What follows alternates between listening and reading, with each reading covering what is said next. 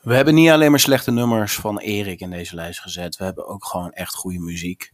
Uh, onder andere deze, uh, uh, nou ja, deze heldin, Ella Fitzgerald. En dat is iets waar Laura om vroeg, want dat was toch wel haar absolute zangheld.